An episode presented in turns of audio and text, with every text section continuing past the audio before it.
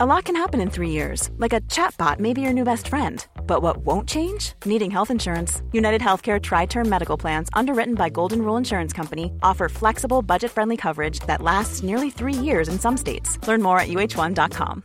Here's a cool fact a crocodile can't stick out its tongue. Another cool fact you can get short term health insurance for a month or just under a year in some states. United Healthcare short term insurance plans are designed for people who are between jobs, coming off their parents' plan, or turning a side hustle into a full time gig. Underwritten by Golden Rule Insurance Company, they offer flexible, budget friendly coverage with access to a nationwide network of doctors and hospitals. Get more cool facts about United Healthcare short term plans at uh1.com. Quality sleep is essential. That's why the Sleep Number Smart Bed is designed for your ever evolving sleep needs. Need a bed that's firmer or softer on either side? Helps you sleep at a comfortable temperature? Sleep Number Smart Beds let you individualize your comfort so you sleep better together. JD Power ranks Sleep Number number 1 in customer satisfaction with mattresses purchased in-store. And now, save 50% on the Sleep Number limited edition Smart Bed for a limited time. For JD Power 2023 award information, visit jdpower.com/awards. Only at a Sleep Number store or sleepnumber.com. Den 6 maj 1993 hittas tre åttaåriga pojkar mördade i ett skogsområde i West Memphis. Staden chockas av brutaliteten i morden och polisen går snart ut med information om att de här morden är utförda i enlighet med satanistiska ritualer. Tre unga killar grips och döms för det här dådet, vilket leder till stor medial uppmärksamhet. Men utifrån vilka bevis dömdes egentligen de här ungdomarna? Och den stora frågan som många än idag ställer sig är om de faktiskt är skyldiga.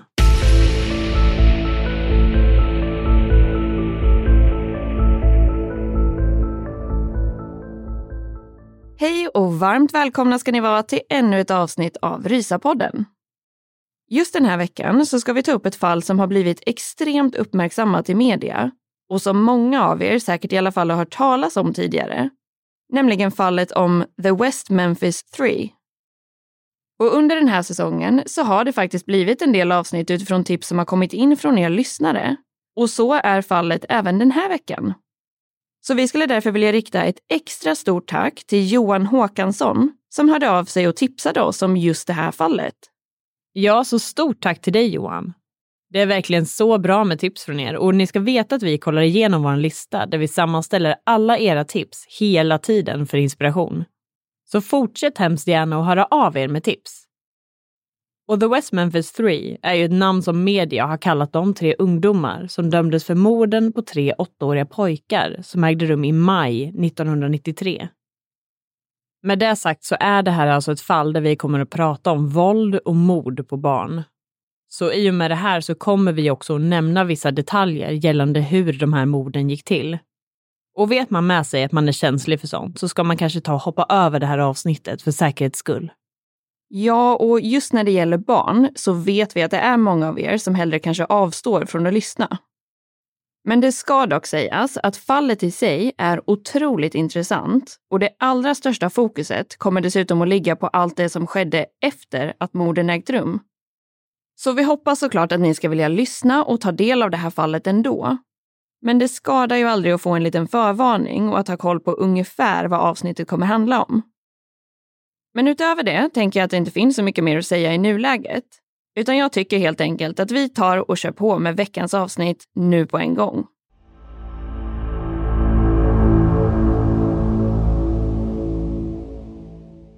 West Memphis är en stad som ligger i delstaten Arkansas i USA. Det här är en ganska så liten stad med drygt 25 000 invånare som ligger strax utanför Memphis längs med Mississippifloden. West Memphis är också en stad med hög kriminalitet, mycket droger och ett område där det finns mycket fattigdom. Staden rankades bland annat år 2018 som den farligaste i delstaten av tidningen USA Today. West Memphis ligger också mitt i det som brukar kallas för USAs bibelbälte. Och i det här fallet så ska vi bege oss tillbaka till 90-talet i USA. Och under 80 och 90-talet så spred sig någonting som kallades för den satanistiska paniken över landet. Det här var en tid där det fanns en stor skräck för det okulta och framför allt saker som kunde kopplas samman med någon form av satanistisk tro. Det har till och med beskrivits som en tid som påminde om när man brände folk på bål om de blev anklagade av någon för att utföra häxkonster. Även under den här tiden så började personer att anklagas för diverse satanistiska aktiviteter och grova brott, såsom övergrepp mot barn och mord som skulle ha skett utifrån en satanistisk tro. Det här fortsatte att gro och media spädde på det här genom att visa upp ungdomar som inte trodde på Gud och som lyssnade på satanistisk musik och bar svarta kläder. Konsekvenserna av det här har varit många, men rent juridiskt så togs det bland annat in terapeuter för att hålla i förhör och som i vissa fall framkallade falska minnen. Förhör hölls ibland även med minderåriga och barn, som i bästa fall kan kallas tveksamma. Det i sin tur ledde till flertalet rättsliga domar, många som idag anses ha blivit dömda utan det faktiska underlag som bör krävas för en fällande dom och som kanske sitter i fängelse oskyldigt dömda. Ett sådant fall, där den så kallade satanistiska paniken spelade en stor roll och som blev känt för just det här, är fallet kring West Memphis 3. Och jag tänker att vi kommer börja från början i det här fallet och presentera det som har skett i kronologisk ordning. Vi kommer därför börja med att beskriva de tre pojkarna som blev offer för det här grova brottet, för att sen gå vidare in på de tre ungdomarna som har kallats för The West Memphis 3. Så de tre unga pojkarna som föll offer i det här fallet var alla åtta år gamla och hette Steve Edward Branch, James Michael Moore och Christopher Mark Byers. De här tre killarna var bästa kompisar. De var med i scouterna och gick på en grundskola som hette Weaver Elementary School. Steve, som kallades för Stevie, var född den 26 november 1984. Hans föräldrar, Pamela Pam Hobbs och Steve Branch, var skilda sedan länge och Pam hade vårdnaden om Stevie som vid tidpunkten för mordet bodde tillsammans med henne och sin styvpappa Terry Hobbs. Stevie var väldigt duktig i skolan. Han hade mycket fantasi och älskade att sjunga. Han hade till och med skrivit en egen låt. Hans mamma Pam har beskrivit honom som en otroligt intelligent liten kille. Sen har vi Christopher Mark Byers som var född den 23 juni 1984. Även hans föräldrar var skilda och han levde tillsammans med sin äldre bror, sin mamma Melissa och hennes nya man John Mark Byers som kallades Mark. Christophers biologiska pappa hette Ricky Murray, men Mark hade adopterat Christopher. Och Christopher beskrivs som en ung kille som hade vissa problem och svårigheter. Bland annat hamnade han ofta i bråk, startade flera bränder och beskrivs ibland ha gjort lite udda saker som att leka med sin egen avföring. Utifrån allt det här så träffade han en läkare som då valde att skriva ut Ritalin till honom och kikar man på FASS hemsida så beskrivs Ritalin som ett läkemedel som bland annat ges till personer som diagnostiserats med ADHD. Det är helt enkelt ett läkemedel som förbättrar vissa områden i hjärnan och som kan bidra till ökad koncentrationsförmåga och uppmärksamhet samt minska impulsiviteten. Slutligen har vi också James Michael Moore som kallades för Michael. En busig liten kille som alltid kunde få en att skratta och bli på bra humör. Han var född den 27 juli 1984 och bodde tillsammans med sina föräldrar Diane och Todd samt sin stora syster. Dagen som startade allt det här var den 5 maj 1993 och det var en solig vårdag. Pojkarna hade varit i skolan under dagen, men en av dem, Christopher, hade blivit hemskickad från skolan för att han inte hade skött sig. Hans adoptivpappa Mark hade därför smiskat honom med ett bälte och han blev därefter tillsagd att han inte fick lämna huset. Men när Mark var tvungen att åka iväg för att skjutsa Christophers äldre bror så valde Christopher att lämna hemmet. Och när Mark kom hem runt klockan 18.00 så fanns han inte att hitta någonstans. Det finns dock flera olika vittnen som påstår sig ha sett pojkarna under den här dagen. Och det man vet är att runt klockan 15.00 på eftermiddagen så var Stevie hemma med sin mamma Pam och det här var strax efter att han hade kommit hem från skolan. Därefter kom Michael förbi på sin cykel och frågade om Stevie fick komma ut och cykla med honom, något han då fick lov att göra. Men Stevie blev också tillsagd att han skulle se till att vara hemma senast klockan 16.45 för att hans mamma Pam skulle åka iväg och jobba då. Michael ska då ha svarat henne att vi kommer tillbaka, jag lovar. De lämnade sedan Stevies bostad runt klockan 15.40. Enligt en podcast som heter Truth and Justice, som har gjort grundliga utredningar kring det här fallet, så finns det ett vittne vid namn Bobby Posey. Han har uttalat sig om att runt samma tid, alltså cirka 15.30, så var Christopher hemma hos honom och hade då berättat att han hade fått smisk av Mark och att han tänkte rymma hemifrån. Efter det här så finns det ett annat vittne vid namn Carlos Seals som ska ha sett de här tre pojkarna mellan klockan 17.30 och 18 när de cyklade mot ett skogsområde som kallas för Robin Hood Hills. En kvinna vid namn Jamie Clark Ballard som bodde några hus bort från Stevie vittnade också om att hon hade sett alla tre pojkarna leka på baksidan av hennes tomt den här eftermiddagen mellan klockan 17.30 och 18.30. Hon har beskrivit att alla hade varit glada och skrattat för att sedan åka iväg på sina cyklar. Just det här vittnesmålet kommer vi också komma tillbaka till lite senare. Den första som rapporterade in att pojkarna saknades var Mark Byers, det vill säga Christophers adoptivpappa. När han kom hem klockan 18.00 och insåg att Christopher inte var hemma så började han att leta efter honom i området. När klockan sen började närma sig 20.00 så valde han att kontakta polisen och anmälde Christopher som försvunnen. Tio minuter senare var en polis på plats för att ta emot den här anmälan. Efter att det hade gjorts så gav sig Mark ut igen för att söka efter Christopher. Bland annat i ett skogsområde som han visste att Christopher tyckte om att leka i, Robin Hood Hills. Sökningarna pågick sedan under hela den här kvällen, främst av personer som bodde i området, men inga spår av pojkarna fanns att hitta. Vad gäller Robin Hood Hills så är det här ett skogsområde som är otroligt fullt av myggor. Så till den grad att det är svårt att vistas där under vissa säsonger. Det här var en sån typ av säsong och flera av de sökande fick till slut ge upp utifrån att de inte kunde hantera myggorna. Nästa morgon, det vill säga den 6 maj 1993, så påbörjade polisen ytterligare sökinsatser i området runt omkring Robin Hood Hills. Det första man fann var en svart sko som saknade skosnören och den hittades i en flod inne i det här skogsområdet. En av poliserna på plats sträckte sig för att plocka upp skon och ramlade då ner i floden. Väl nere i floden så stötte hans fot emot någonting och uppflöt då kroppen av en av pojkarna. Man hittade sedan samtliga pojkars livlösa kroppar och det blev direkt tydligt att de hade blivit utsatta för grovt våld. Alla tre pojkarna var nakna och hade blivit bundna med skosnören från sina egna skor. De hade blivit bundna på så vis att höger hand var ihopbunden med höger fot och vänster hand med vänster fot. De hade blivit utsatta för våld med någon form av trubbigt föremål mot bland annat huvudet och överkroppen.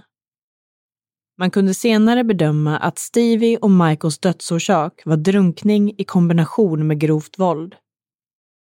Christopher hade däremot blivit utsatt för fler skador än sina två kompisar. Han hade vad som såg ut som knivsår på könsorganet och hans penis verkade ha blivit flodd. Christopher bedömdes ha dött från alla sina extrema skador. Det fanns initialt misstankar om att pojkarna kunde ha blivit utsatta för sexuella övergrepp, något som senare har bedömts vara felaktigt. Deras cyklar hittades också dumpade en bit bort i floden och deras kläder hade fästs på pinnar och tryckts ner i vattnet för att döljas. Och redan vid det här laget så gjordes en hel del missar från polisens sida, vilket såklart kan ha berott på antingen okunskap eller ren och skär chock. Det här var ju som sagt en relativt liten stad och att vara med om ett sånt här typ av grovt brott hörde säkerligen inte till vardagen för de här poliserna. Men för det första så valde man bland annat att ta upp kropparna ur vattnet och lägga dem på marken det är som sagt otroligt varmt och fuktigt i det här området, vilket gjorde att förruttnelseprocessen därför kickade igång ordentligt. Man valde också att täcka över kropparna med lakan. Det här gjordes innan någon form av rättsmedicinsk undersökning hade genomförts, vilket såklart kan ha förstört en hel del spår som funnits på kropparna. När det blev känt för allmänheten att pojkarna inte bara dött, utan att de dessutom hade dött på ett så våldsamt vis, så blev det en enorm chock och skräck för invånarna i West Memphis.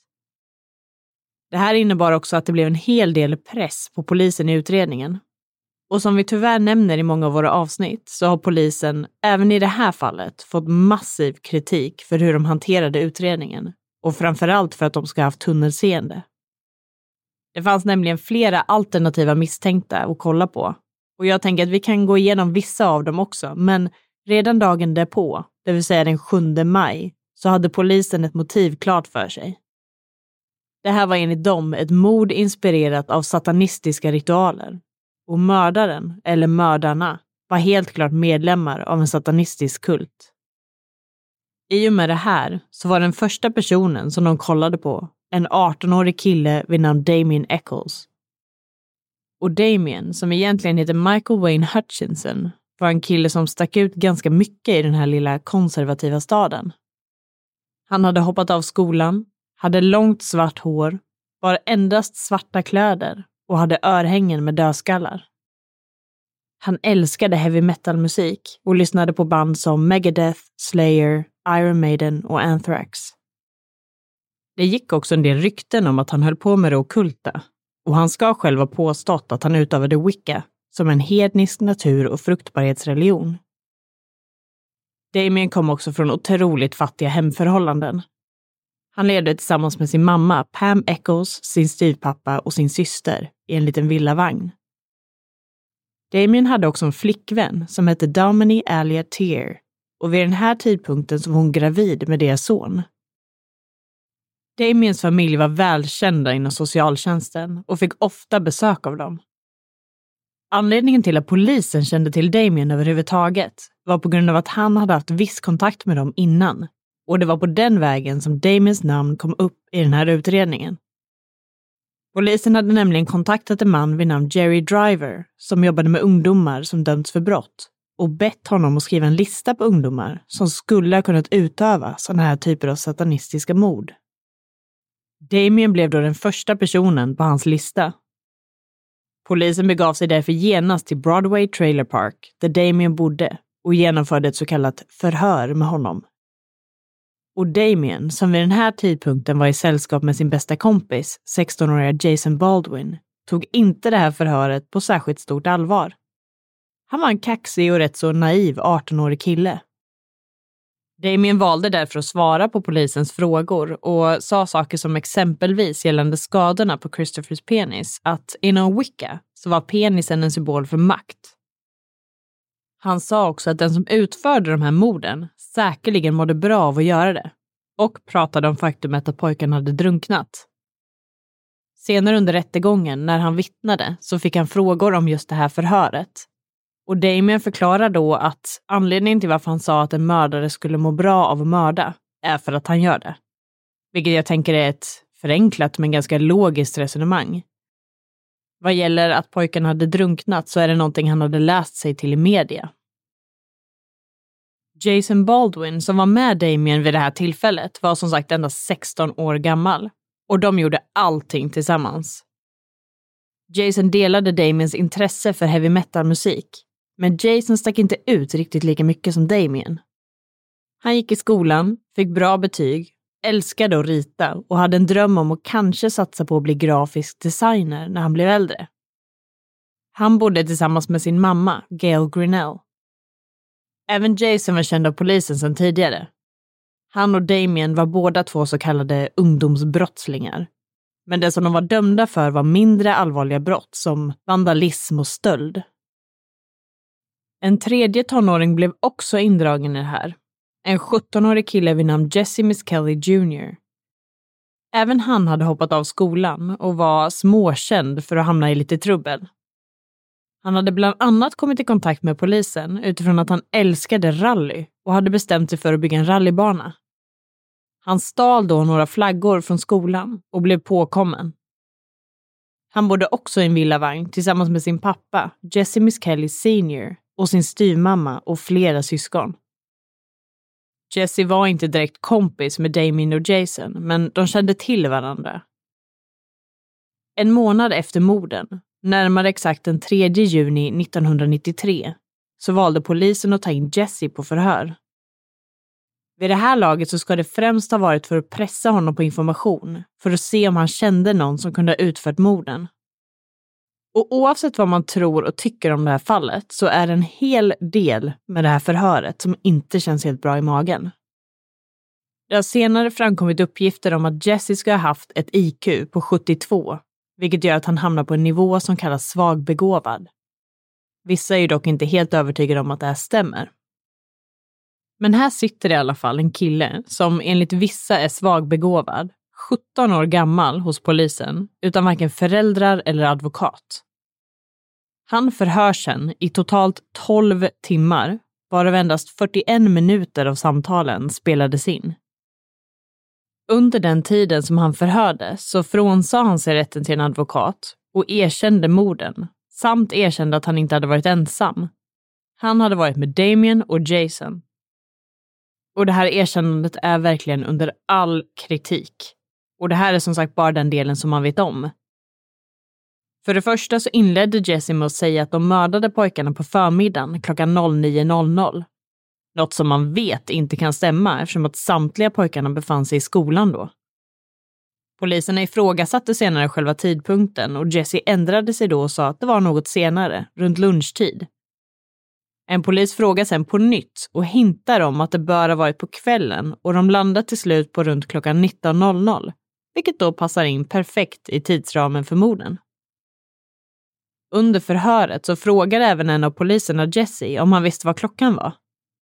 Och vid det här laget så hade han redan suttit i förhör i flera timmar i sträck och han hade ingen klocka på sig. När han då inte kunde svara korrekt på den här frågan så påtalar polisen att eh, Jesse kanske inte var så bra på det här med att hålla koll på tider. En annan intressant detalj från förhöret är att Jesse sa att pojkarna bands med ett rep och att det var deras händer som var bundna. Det här stämde ju inte heller eftersom att pojkarna var bundna hand till fot med deras egna skosnören. Det fanns också flera tillfällen när Jesse försökte säga att han lämnade platsen och att det var Jason och Damien som utförde morden. Men poliserna fortsatte pressa på Jesse och han släppte mer och mer på att han först var lite delaktig genom att fånga Michael när han försökte rymma, till att han senare ska ha bevittnat Stevies död. Han uttalade sig också om att Stevie kvävdes till döds genom att Damien och Jason ströp honom med sina händer. Inte heller det här stämde överens med de skador som Stevie faktiskt hade. Polisen sa också till Jesse att han hade misslyckats med sitt lögndetektortest som han hade behövt göra och att hans hjärna försökte lura honom. Vilket inte riktigt stämde, men det var någonting som gjorde honom oerhört förvirrad. Hans advokat sa senare att Jesse inte hade insett allvaret i situationen och att han inte hade förstått frågorna som ställdes och deras innebörd. Efter det här förhöret så valde man att häkta Jesse, Damien och Jason för mordet på de tre unga pojkarna. I samband med det här så sker en presskonferens där den ansvariga utredaren Gary Gitchell svarade på frågor från reportrar. En av frågorna var då, hur säkra är ni på att ni har fångat rätt personer på en skala från 1 till 10? Garys svar var då 11. Jesse ska initialt i förhöret ha sagt att han inte ens befann sig i West Memphis vid tidpunkten för morden och att han befann sig i staden Diaz och brottades. Något som aldrig undersöktes vidare eller bekräftades ordentligt. Även Jasons mamma ska ha förklarat för polisen när de grep hennes son att han hade befunnit sig i skolan vid tidpunkten då Jesse ska ha sagt att han ska ha varit med honom. Något hon också kunde bevisa genom papper från skolan. Men även det här valde man att ignorera.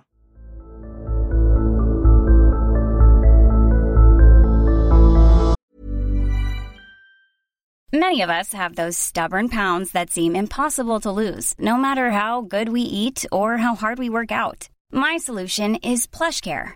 PlushCare is a leading telehealth provider with doctors who are there for you day and night to partner with you in your weight loss journey. They can prescribe FDA-approved weight loss medications like Wagovi and Zepbound for those who qualify.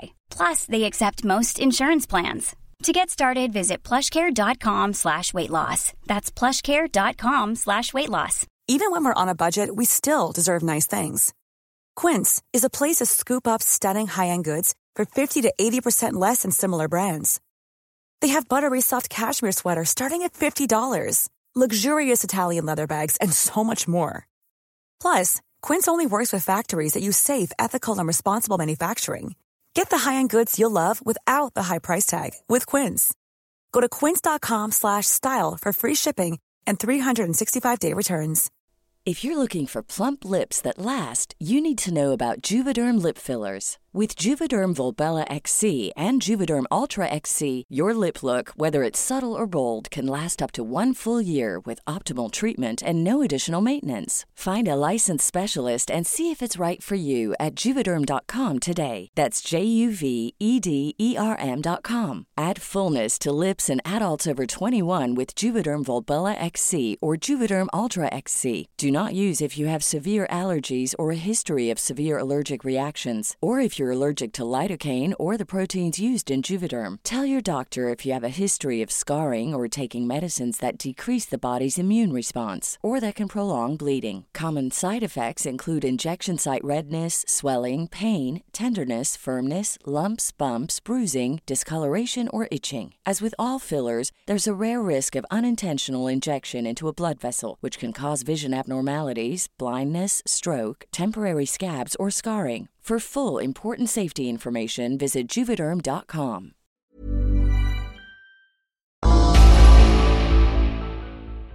Rättegångarna gentemot de här tre unga killarna skedde i två omgångar. Vid det här laget hade tv-bolaget HBO skickat dit två dokumentärskapare vid namn Joe Berlinger och Bruce Sinofsky för att göra en dokumentär om det här fallet. När de kom dit så hade de bara läst det som framgick i media, vilket gjorde att de gick in med inställningen att de skulle möta tre mördare och att de här ungdomarna var skyldiga. Initialt var därför tanken att de skulle göra en dokumentär för att kunna skildra deras perspektiv och varför de skulle ha begått ett så grovt brott. Dokumentären tog dock en helt annan riktning och skildrade istället rättegången och den process som skedde runt detta. Det resulterade i dokumentären Paradise Lost, The Child Murders at Robin Hood Hills, som släpptes två år senare, alltså 1996. Det släpptes senare två andra delar av den här dokumentären. Så totalt finns det tre delar och dessa har beskrivits lite som föregångaren till dokumentärserien om Stephen Avery som heter Making a Murderer, som många av er gissningsvis har sett.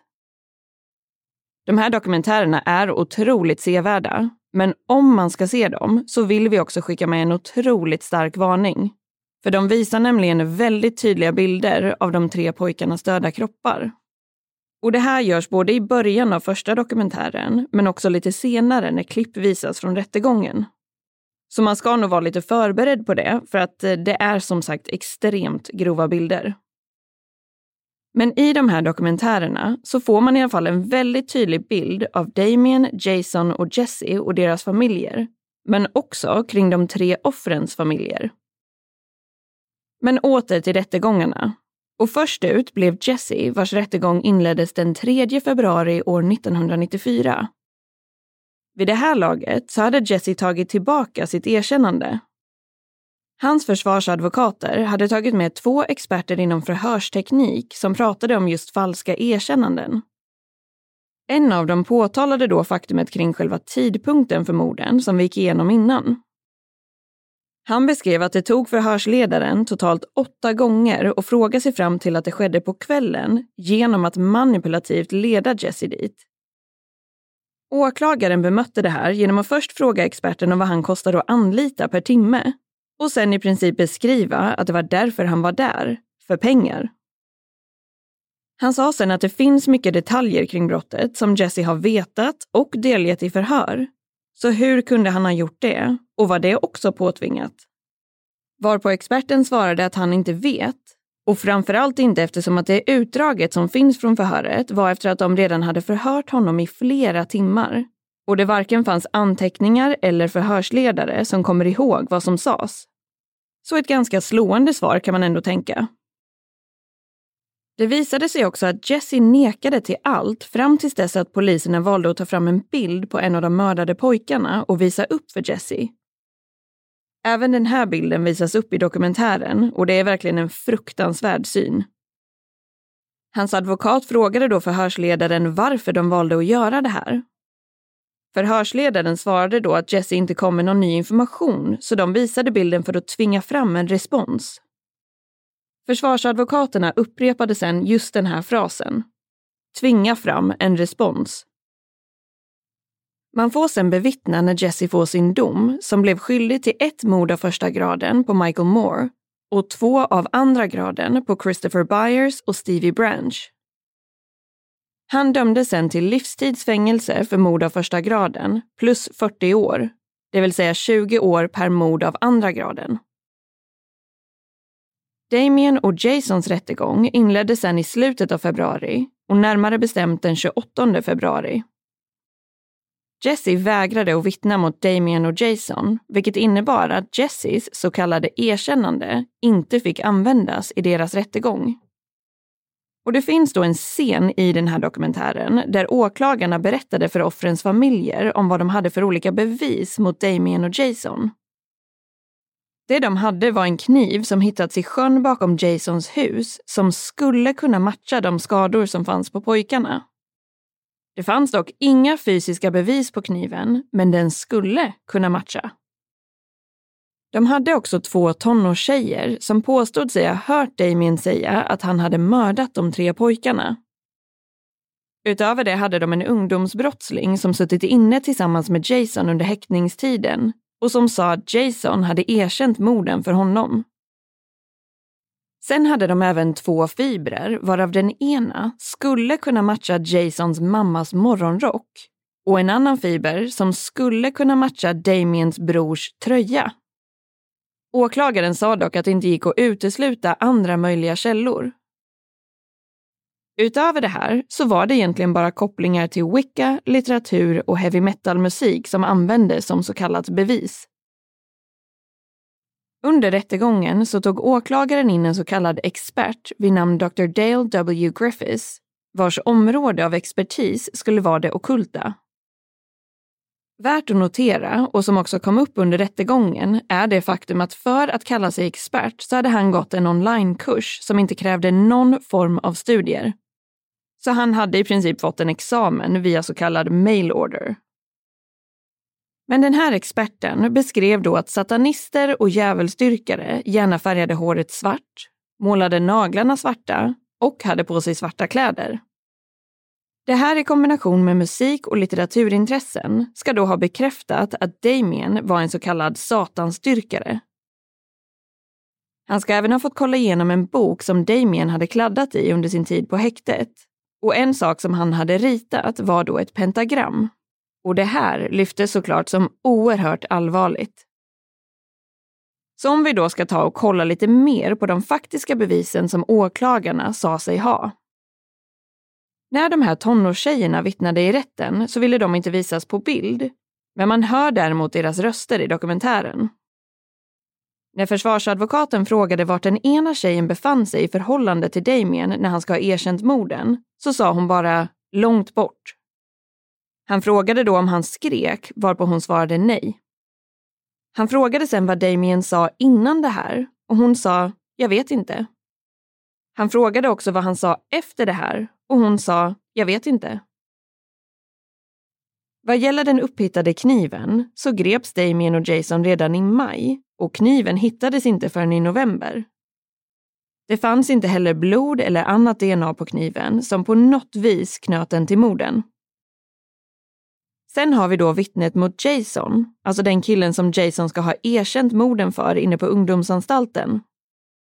Försvarsadvokaterna berättar i dokumentären att de blev uppringda av en personal på anstalten som uppgav att han var den som hade delgett den här killen informationen om morden och att det som han uppgav var en lögn. Och den här personalen från anstalten ringde även till åklagaren och berättade det här. Försvaret ville då såklart ha med honom under rättegången, men han nekades dock till att vittna av domaren. Och åklagarna valde i slutändan att ha med killen som satt inne på ungdomsanstalten som vittne ändå. Vid rättegången framkom också att under inspelningen av dokumentären så hade Mark Byers, alltså ett av offren Christophers adoptivpappa, gett produktionen en kniv. Han sa att den aldrig hade använts, men produktionen upptäckte sen vad som såg ut som blod på kniven och gav den därför till polisen. De i sin tur skickade iväg den för analys och det bekräftades då att det var blod på kniven. Under rättegången vittnade Mark om att han måste ha glömt bort att han hade använt kniven och att han senare insåg att han hade använt den vid två olika tillfällen. Ena gången för att fixa sina tånaglar och andra gången för att skära i någon form av kött. Blodet som fanns på kniven var dock av samma blodgrupp som både Mark själv och Christopher tillhörde. Det här var egentligen det enda man kunde få fram och bevisa kring den här kniven och det här släpptes sen helt. Under inspelningen av den här dokumentären blev dock produktionen mer och mer säkra på att det kanske var Mark som hade begått de här hemska brotten. En annan misstänkt som tas upp av försvaret är en man som sätts till på en restaurangkedja som heter Bojangles. Samma kväll som pojkarna försvann ringde nämligen en anställd på den här restaurangen till polisen och sa att det satt en blodig och lerig man inne på deras kundtoalett. Polisen åkte då dit men svängde runt till drive-in-luckan för att ta emot anmälan. De gick alltså aldrig ens in på restaurangen för att undersöka saken vidare och mannen hann därför försvinna. Dagen efter valde man dock att återvända till restaurangen för att ta prover på blodet inne på toaletten. När försvaret frågade vad blodproverna visade så förklarade den polis som hanterat blodproven att han hade råkat tappa bort dem. Och jag måste säga att jag tycker i alla fall att han säger det här med väldigt nonchalans inför hela situationen. Åklagaren uttalade sig senare kring vittnesmålen gällande Mark och den leriga mannen på restaurangen som att försvaret bara ville slänga ut andra misstänkta för att vilseleda. Damien har beskrivits som ganska så kaxig och naiv under sin rättegång. Han var helt enkelt en ung kille som inte alls såg allvaret i situationen. Eller, som vissa tolkade, en känslokall satanist som hade mördat tre oskyldiga pojkar. Han visade vid flera tillfällen under rättegången att han inte riktigt brydde sig om vissa frågor som ställdes och att det inte var värt hans energi att ens besvara. Samtidigt så måste man erkänna att han är väldigt logisk i sitt sätt att svara, men att han kanske inte alltid svarade på ett sätt som fick honom att framstå som oskyldig.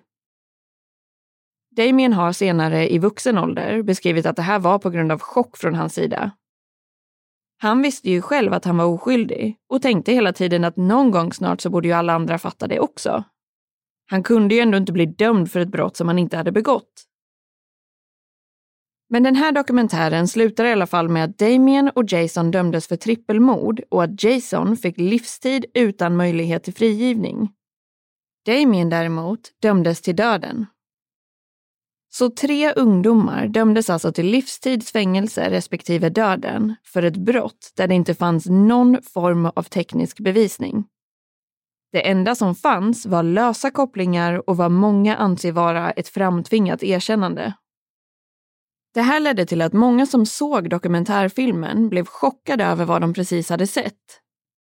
Framförallt eftersom att den släpptes 1996, det vill säga två år efter att rättegångarna hade ägt rum och man insåg att de här tre killarna fortfarande satt inlåsta. Filmskaparna Joe Berlinger och Bruce Sinofsky insåg att de inte bara kunde släppa det här utan att de var tvungna att uppmärksamma fallet ännu mer. Något som då ledde till dokumentären Paradise Lost 2 Revelations som släpptes år 2000. I den här dokumentären får man följa den rörelse som började ta fart för att de tre killarnas domar skulle omprövas på grund av bristande bevis. När den här dokumentären väl släpptes hade alltså Damien, Jesse och Jason suttit i fängelse i drygt sex år. Vid det här laget hade Damien, som satt på Death Row, konverterat till buddhismen och la all sin energi på att meditera, läsa och skriva böcker. Han beskriver i dokumentären att han innan allt det här hände hade en stark tro på det amerikanska rättssystemet och att en oskyldig person inte kunde bli dömd.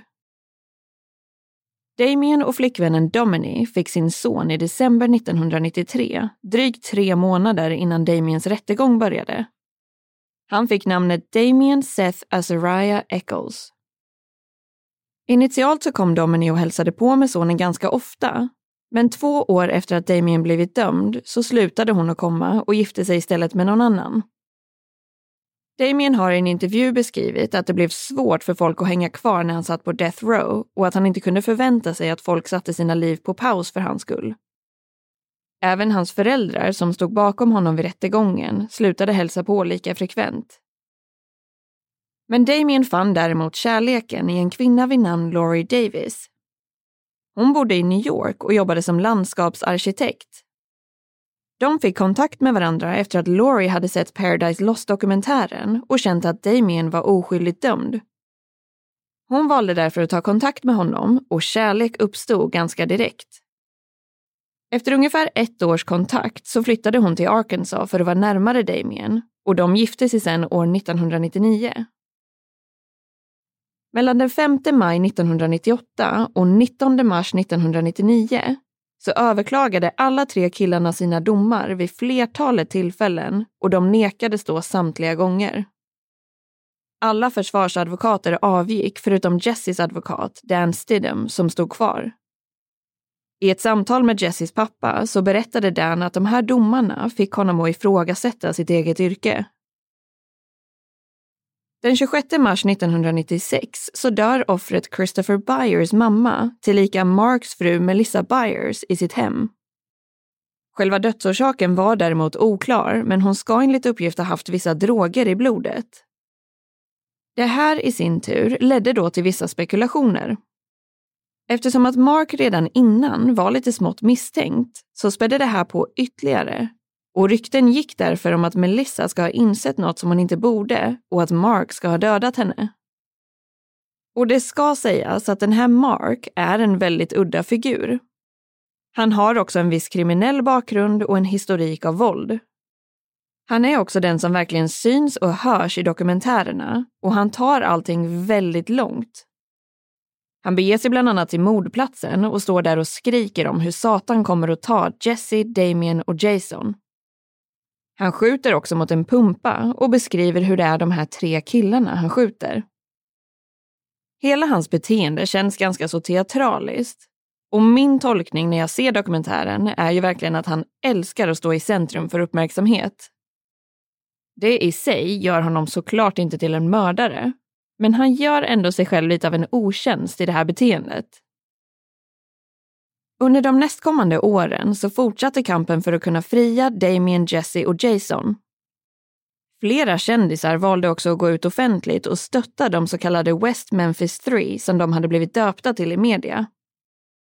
Några av de här personerna var bland annat rockmusikern Henry Rollins, sångaren i Pearl Jam Eddie Vedder, Natalie Maines från gruppen Dixie Chicks skådespelarna Johnny Depp och Winona Ryder samt komikern Margaret Cho. Den grupp som man följer i den andra dokumentärfilmen startade insamlingar för att kunna ta in expertishjälp som kunde kolla igenom allt material som fanns.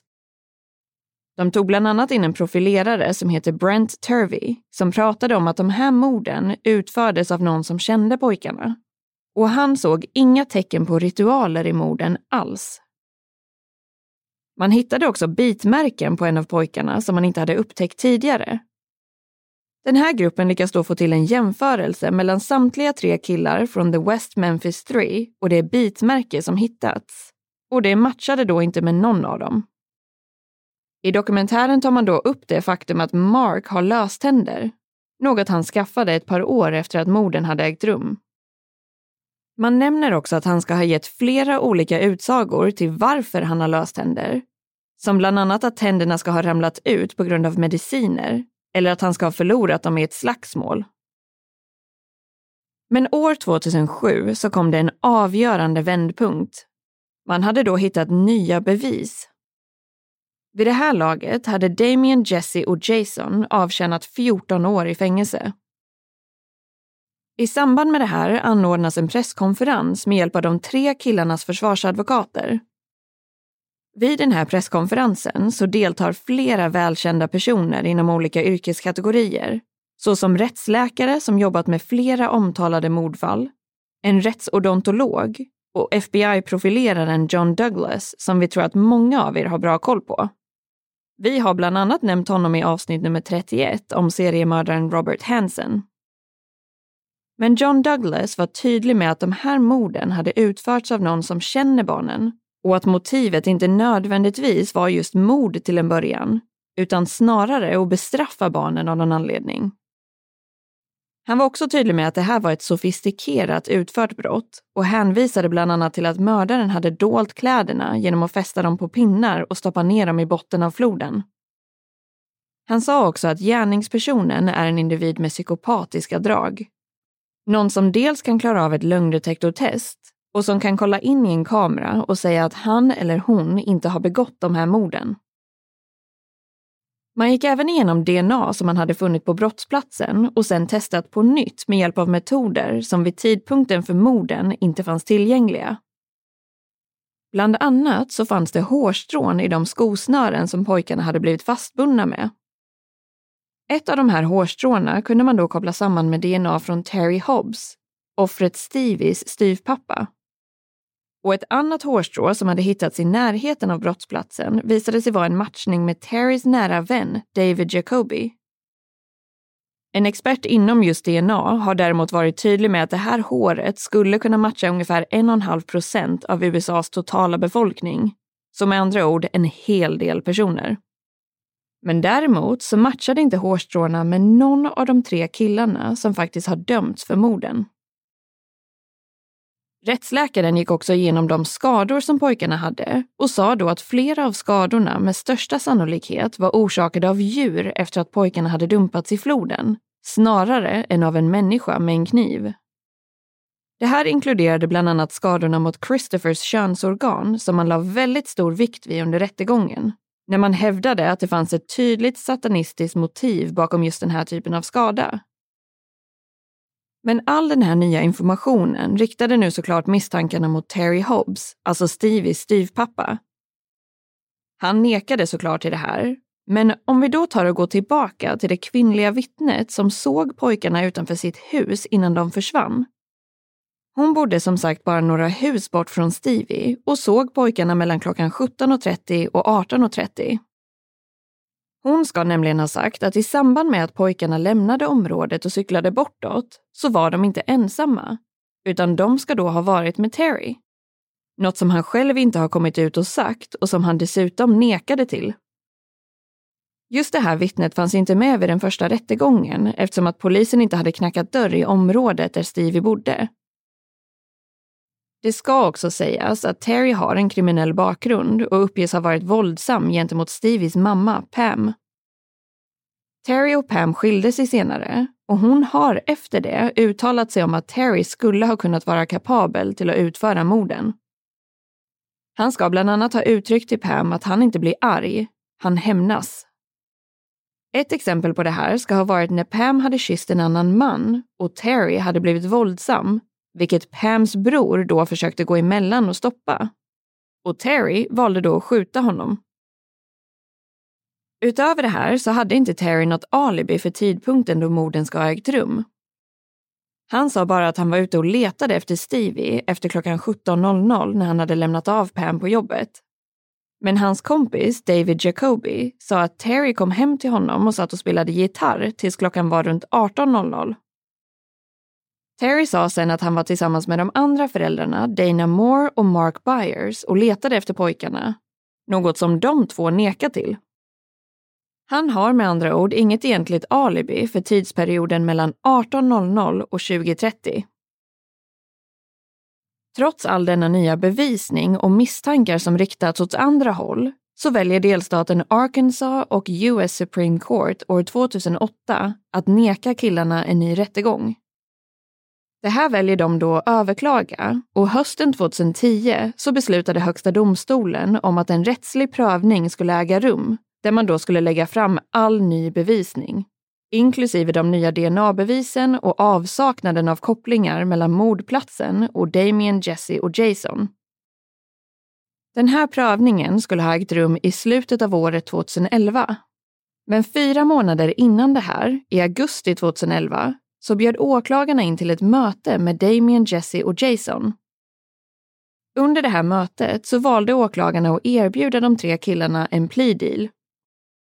Det här skulle då innebära att de kunde bli frisläppta utan att behöva genomgå en ny rättslig prövning som kunde ta flera år, om de valde att skriva under en så kallad Alford plea. Och ni trogna lyssnare har nog vid det här laget ganska bra koll på vad det här innebär, för vi har nog nämnt det i åtminstone två avsnitt hittills. Men det här är alltså en juridisk uppgörelse där man behåller sin rätt att hävda sin oskuld för brottet, men att man ändå väljer att ta på sig den juridiska skulden för det. Det här innebär rent krast två olika saker i det här fallet. Ett är att killarna inte kan kräva staten på skadestånd, något som har beräknats kunna bli uppemot 60 miljoner dollar. Och två, om de nu inte är skyldiga till brottet så anses fallet ändå som avslutat och ingen kommer därför att söka efter den riktiga mördaren. Jason var till en början ganska så motvillig till att acceptera den här dealen och ville hellre fortsätta att kämpa för att bevisa sig oskyldig. Sen fick han ett samtal om att Damien mådde extremt dåligt inne på Death Row och valde till slut för Damiens skull att gå med på uppgörelsen. De tre killarna, eller vid det här laget männen, blev sedan frisläppta den 19 augusti 2011 och hade då avtjänat över 18 år i fängelse. Samma år släpptes också den sista dokumentären av Paradise Lost som fick namnet Paradise Lost 3, Purgatory. Damien uttalade sig i tidningen Arkansas Times efter att han hade blivit frisläppt och sa då följande. Jag är oskyldig, likväl som Jason och Jesse. Men jag tog det här beslutet eftersom att jag inte vill spendera en enda dag till av mitt liv bakom det där gallret. Jag vill leva och fortsätta slåss för vår oskuld. Ibland är rättvisa varken vackert eller perfekt, men det var viktigt att ta den här möjligheten för att kunna bli fri. Efter frigivningen så valde Jesse att flytta tillbaka till West Memphis där han bor än idag och håller en låg profil. Han har däremot varit med och producerat filmen Devil's Knot som är en film baserad på det här fallet, där bland annat skådespelarna Colin Firth och Reese Witherspoon medverkar. Jason flyttade först till Seattle för att plugga juridik och bor idag i Austin, Texas. År 2017 var han med och startade upp en frivillig organisation som heter Proclaim Justice som jobbar för offer som har blivit utsatta för felaktiga åtal. Damien är den som har varit mest verbal i media och som håller en ganska så hög profil. År 2012 gav han ut sin självbiografi Damien Eccles Life After Death och har därefter släppt ytterligare tre böcker. Han bor idag i New York tillsammans med sin fru sedan 1999, Laurie Davis. Damien har vid en intervju med en musiktidning fått frågan om han ångrar sitt intresse för heavy metal-musik och svarade då följande. Jag anklagade aldrig musiken. Jag anklagade bara de trångsynta människor som sätter någon på death row baserat på vilken typ av musik du gillar. Det här är som sagt ett oerhört medialt fall och utöver de tre Paradise Lost-dokumentärerna och filmen Devil's Knot så finns det ytterligare en dokumentärfilm som heter West of Memphis. Den här släpptes år 2012 och är producerad av bland annat Damien Eccles och hans fru Laura Davis samt Peter Jackson och hans fru Fran Walsh. Och det här är alltså samma Peter Jackson som har regisserat och skrivit manus till Sagan om ringen. Utöver det så finns det flera olika låtar som är kopplade till det här fallet, varav en är från gruppen Disturbed och heter Three. Det finns fortfarande många som än idag tror att Damien, Jesse och Jason faktiskt är skyldiga. Samtidigt som det också finns många som tror att framförallt Terry Hobbs egentligen ligger bakom de här brutala morden. Misstankarna mot Mark Byers har dock minskat efter den tredje dokumentären där han gjorde en helomvändning och stöttade West Memphis 3 och där han dessutom beter sig otroligt mycket mer sakligt. Något som han själv också påtalar. Utöver det så finns det vissa som fortfarande är övertygade om att den mystiska mannen från restaurangen Bojangles faktiskt kan ha haft någonting med morden att göra. Planning for your next trip? Elevate your travel style with Quince. Quince has all the jet-setting essentials you'll want for your next getaway, like European linen, premium luggage options, buttery soft Italian leather bags, and so much more. And it's all priced at 50 to 80% less than similar brands. Plus, Quince only works with factories that use safe and ethical manufacturing practices. Pack your bags with high-quality essentials you'll be wearing for vacations to come with Quince. Go to quince.com slash trip for free shipping and 365-day returns. Hold up. What was that? Boring. No flavor. That was as bad as those leftovers you ate all week. Kiki Palmer here, and it's time to say hello to something fresh and guilt-free. Hello Fresh. Jazz up dinner with pecan-crusted chicken or garlic butter shrimp scampi. Now that's music to my mouth. Hello Fresh. Let's get this dinner party started. Discover all the delicious possibilities at hellofresh.com. Why don't more infant formula companies use organic, grass fed whole milk instead of skim? Why don't more infant formula companies use the latest breast milk science? Why don't more infant formula companies run their own clinical trials? Why don't more infant formula companies use more of the proteins found in breast milk? Why don't more infant formula companies have their own factories instead of outsourcing their manufacturing? We wondered the same thing. So we made ByHeart, a better formula for formula. Learn more at byheart.com. Arbete pågår fortfarande för att officiellt och en gång för alla kunna säga att West Memphis 3 faktiskt är oskyldiga. Men enligt lag så är de fortsatt dömda för brotten och bedöms ha avtjänat sina straff.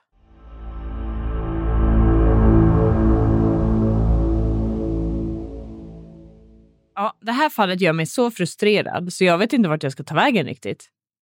Oavsett om de skulle vara skyldiga eller ej, vilket jag absolut inte tror, så är det skrämmande att man kan bli dömd utifrån så pass bristande underlag som i det här fallet. Det ska liksom inte gå. Plus att jag alltid blir så förbannad när man har förhör med minderåriga på ett så här inkorrekt sätt. Det som är ännu mer skrämmande är ju att det säkerligen fortfarande händer. Verkligen. Och det är också skrämmande att tänka på hur många som faktiskt kan sitta dömda för mord som de inte har begått. Som har gått igenom en sån här typ av rättegång och dömts utifrån ett lika bristande underlag. Och jag blir också frustrerad över faktumet att de till slut fick skriva på en sån här Alford plea. För det känns ju lite som statens sätt att säkra upp så att de slipper betala ut några pengar eller skadestånd. Ja, skulle vara svårt att inte vara bitter kan jag tänka efter något sånt här. Men vi hoppas att ni lyssnare har gillat veckans avsnitt och vi vill jättegärna höra vad ni har tyckt och tänker om allt som hände i det här fallet. Ni når oss bäst på Facebook och Instagram där vi heter Rysapodden. Ja, och så vill vi också passa på att nämna att det nu finns ett flertal avsnitt och lite annat smått och gott inne på vårt Patreon-konto. Om ni skulle vilja ha lite extra att lyssna på. Så om du gillar den här podden och vill stötta oss i vårt arbete samtidigt som du också får någonting tillbaka, då får du hemskt gärna signa upp dig där. Antingen genom att gå in på patreon.com rysapodden eller genom att klicka in direkt via länken här i avsnittsbeskrivningen. Och slutligen vill vi också avsluta med att skicka med ett stort tack för att just du har lyssnat på det här avsnittet av Rysapodden.